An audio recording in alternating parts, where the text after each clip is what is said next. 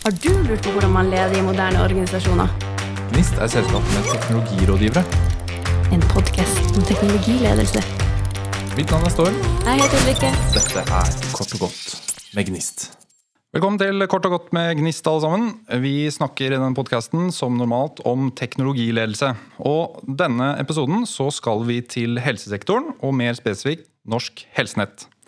For å prate om digitalisering i Norsk Helsenett så har jeg med meg Odd Martin Solheim, som er direktør for Samhandlingsplattformen. Velkommen, Odd Martin. Takk skal du ha. Jeg eh, har ikke vært så kjent i helsesektoren før, og jeg lurer på om du bare kan fortelle kort. Hva er, hva er Norsk Helsenett? Ja, Norsk Helsenett er det som da kalles nasjonal tjenesteleverandør i helsesektoren. Eh, det vil si at vi skal egentlig legge til rette for at sykehusene og alle andre eh, og leverandørene faktisk kan samhandle om dine helsedata, sånn at de får delt dem og hjelpe deg når de skal behandle deg. Så vi skal være liksom limet i helsesektoren. Innenfor Norsk Helsenett så har dere flere underavdelinger, og du er da direktør for det som heter Samhandlingsplattformen. Hva er det for noe? Samhandlingsplattformen er, en, altså det er både et, si, et produktnavn og en divisjon. altså for å gjøre det litt forvirrende. Um, så Det er en divisjon som ble opprettet for ca. to år siden. Uh, med da et fokus på den reisen vi skal gjennom med å hjelpe sektoren. Vi har lagt en strategi for frem til 2026 rundt det å bygge en samhandlingsplattform, sånn at sektoren kan dele data.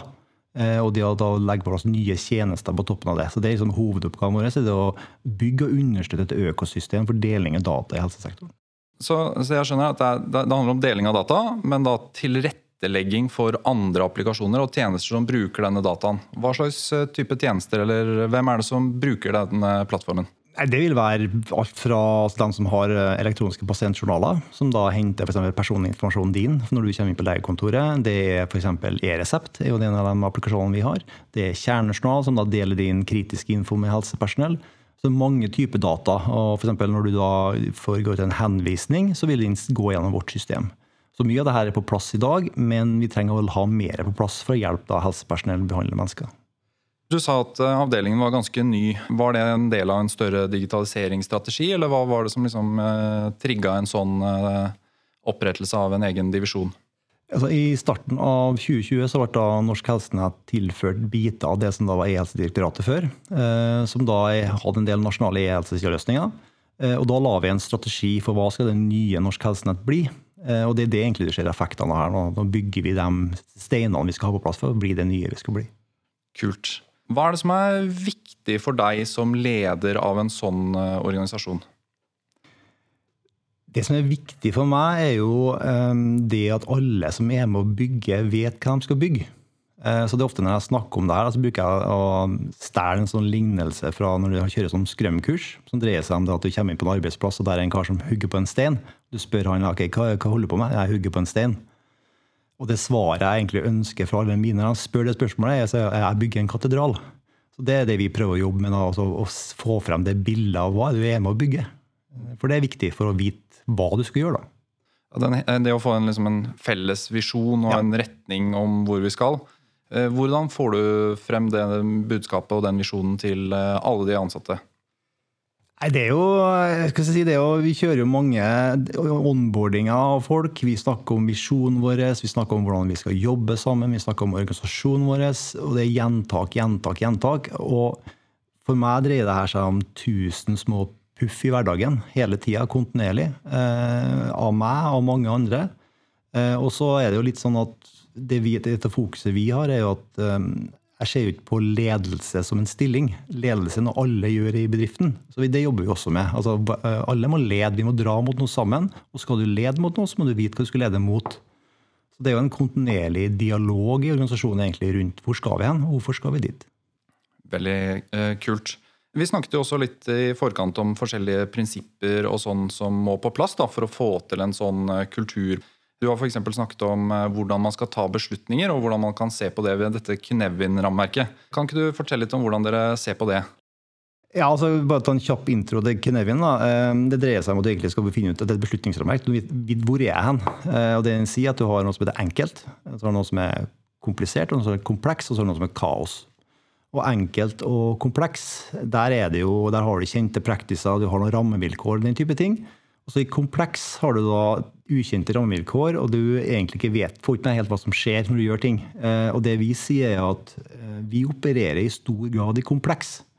Og det har betydning for hvordan vi faktisk opererer. Og Det betyr at vi må gjøre eksperimenter, vi må teste ut ting for å se hva det faktisk er effektene av det. Og det er jo det vi prøver å legge til rette for, både i måten vi kjører prosessmøtes på, men også på kulturen. For må, da må det være lov å feile, det må være lov å prøve, og også faktisk lære av det. da. Det er jo det som mange bedrifter sliter med. Eh, det er at de, de driver med softwareutvikling, som da er eh, komplekst, og ting endrer seg etter hvert som du løser problemet. Men du behandler det som om det er komplisert. altså At du tror du kan planlegge veldig veldig langt frem til tid. da. Mm. Og det er jo det Vi ser at eh, vi må på en måte hjelpe alle å forstå at det er faktisk ikke alltid mulig. og Derfor må vi eksperimentere. Så Det er mm. veldig kult at dere får til det. Du har også snakket litt om at eh, det å motivere de ansatte, eller skape rammer for motivasjon, da, for å si det sånn, eh, er veldig viktig. Eh, hva, hvordan motiverer du, og hvordan skaper du motivasjon? Ja, det er en ting jeg snakker om på onboarding. Um, og Det jeg sier til mine folk, er at jeg er jo ikke her for å motivere deg. Det jeg kan gjøre, er å inspirere. Og I tillegg så kan jeg legge på plass rammene for at man kan faktisk komme på jobb med sin egen driv. Og det er det egentlig egentlig prøver på organisasjonen. Altså det er jo tre ting vi legger til rette for. Det ene er jo det at fellesskap. Det å føle at man faktisk får være med å ta beslutninger. Og det at man bidrar med sin egen kompetanse. Og Det er det vi egentlig prøver på organisasjonen og måten vi legger prosesser på. Og kulturen er liksom å legge til rette for det, for da vil folk faktisk motivere seg. Og det er det vi legger til rette for at du da, som, som faktisk er ansatt, kan gjøre det. Ikke jeg. Det, ja, det går ikke. Min erfaring er også at det, det, med felles retning, som du også snakket om tidligere, at eh, det bidrar veldig mye til en indre driv. Da. En mm. indre motivasjon eh, for å være med i det fellesskapet, enn at du på en måte bare blir satt i et team og så sier 'her er gruppa di, eh, lykke til'. Mm. Det må være noen rammer rundt. da. Ja. Og der er vi jo ganske på ulik altså Vi er en organisasjon som har vokst fra 0 til 160 på to år. Og det er jo ganske mye kultur som kommer inn, som vi jobber med. Og det er en reise for alle. Eh, og Det er jo det som er så viktig å ta inn over seg, i hvert fall for mitt synspunkt når du driver den type organisasjoner, at det er veldig mye historikk. Det er mange forskjellige mennesker. Alle vil være på ulike utviklingsstadium. Og det å jobbe med det kontinuerlig tror jeg er veldig viktig. da. Mm. Men det er veldig interessant da, fordi du har da fått være med å bygge opp en organisasjon helt fra bunnen. Det er utrolig kult, utrolig spennende og sikkert kjempevanskelig. Hvordan, eh, hvordan, ser du på det å liksom bygge opp en organisasjonsstruktur og en kultur fra bånn? Hvordan gjør man det? Ja, Det er et vanskelig spørsmål. og Det er jo, det er jo ikke jeg som har bygd opp organisasjonen, det er gjort sammen med alle som har kommet inn. Eh, og Det er jo også den ting jeg sier i håndballing, at det her gjør vi jo sammen. Det er ikke jeg som bygger samhandlingsplattform, det er alle sammen, alle 160. Eh, hvordan vi gjør det, det er jo altså, det blir jo litt sånn enkelt, kanskje, men det er jo prat sammen. da. Eh, snakk om hvor skal vi hen, hvordan skal vi komme oss dit, hvordan gjør vi det her? Og, og, og, ha en del sånn grunnprinsipper på hvordan man jobber sammen.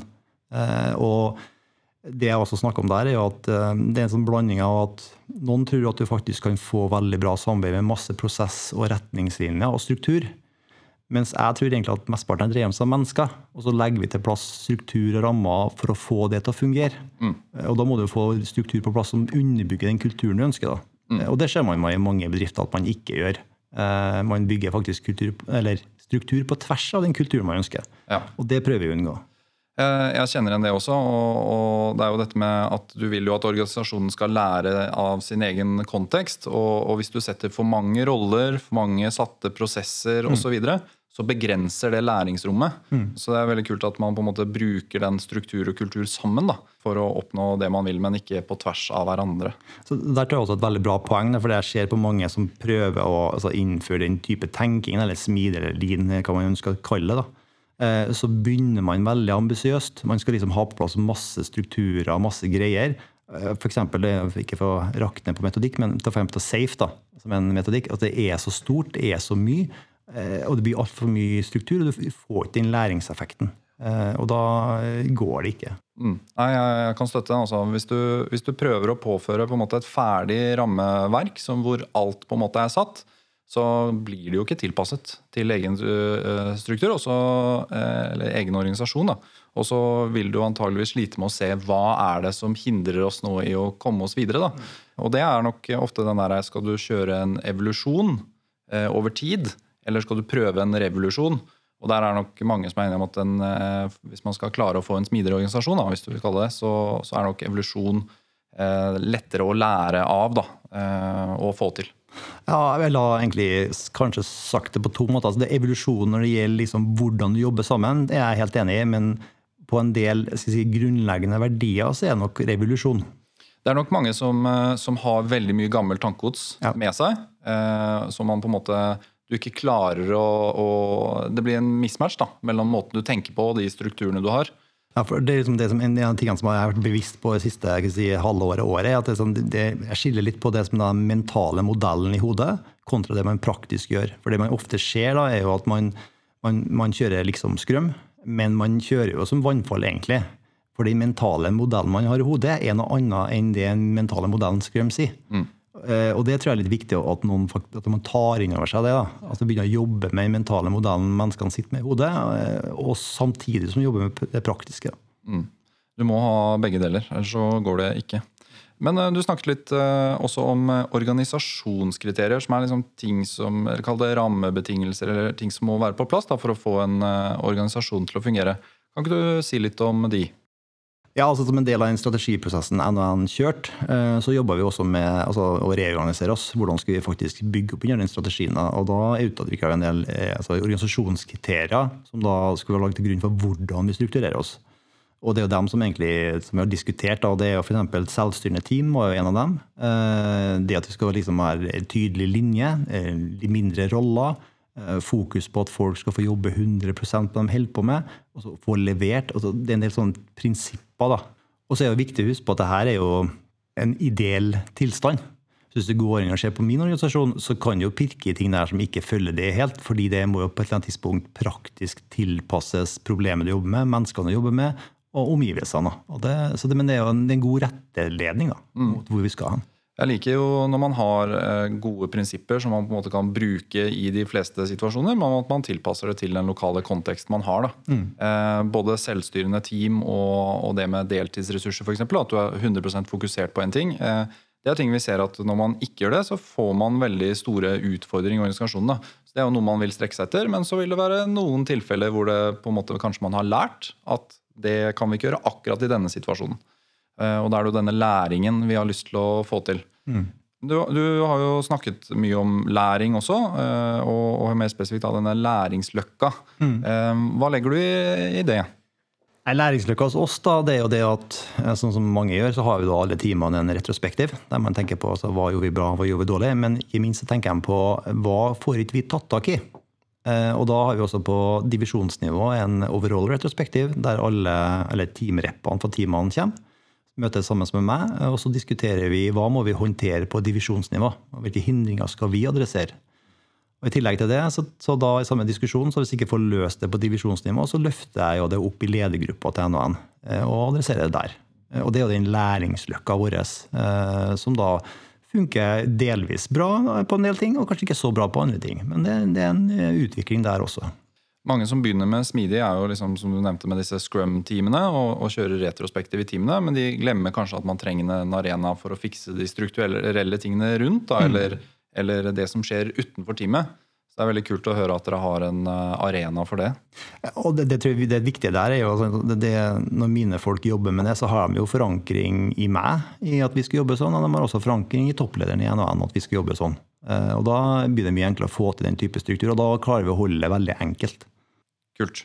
Det er jo mange som prøver å digitalisere nå, eh, rundt omkring i både verden og Norge og store organisasjoner. Jeg lurer på om du har noen tips til eh, lytterne våre for hva, eh, hvor skal man begynne, hva skal man gjøre? Hva, hva, hvis du har noen tips. Altså, tipset mitt vil være hold det enkelt. Begynn enkelt. Ta, altså gjerne ta tak i prosesser og metoder, men begynn med enkle. Altså for oss så vi begynte med less fordi den er enkel. Eh, hold det enkelt. Og så vil jeg si at stol på prosessen. Stol på at du får etablert en læringsløkke som faktisk guider deg videre. Så man må stole på at den funker, og jobbe med den, og da vil du komme i mål. Eh, Så jeg tror det er bare, altså Du må innse at det er læring, og det tar tid. Så må du bare jobbe. Knallbra. Det var eh, digitalisering i Samhandlingsplattformen. Tusen takk for at du ville være med på podkasten, Odd Martin. Bare hyggelig. På gjensyn. Har du lurt på hvordan man leder i moderne organisasjoner? Gnist er selskapet med teknologirådgivere. En podkast om teknologiledelse. Mitt navn er Storm. Jeg heter Ulrikke. Dette er Kort og godt med Gnist.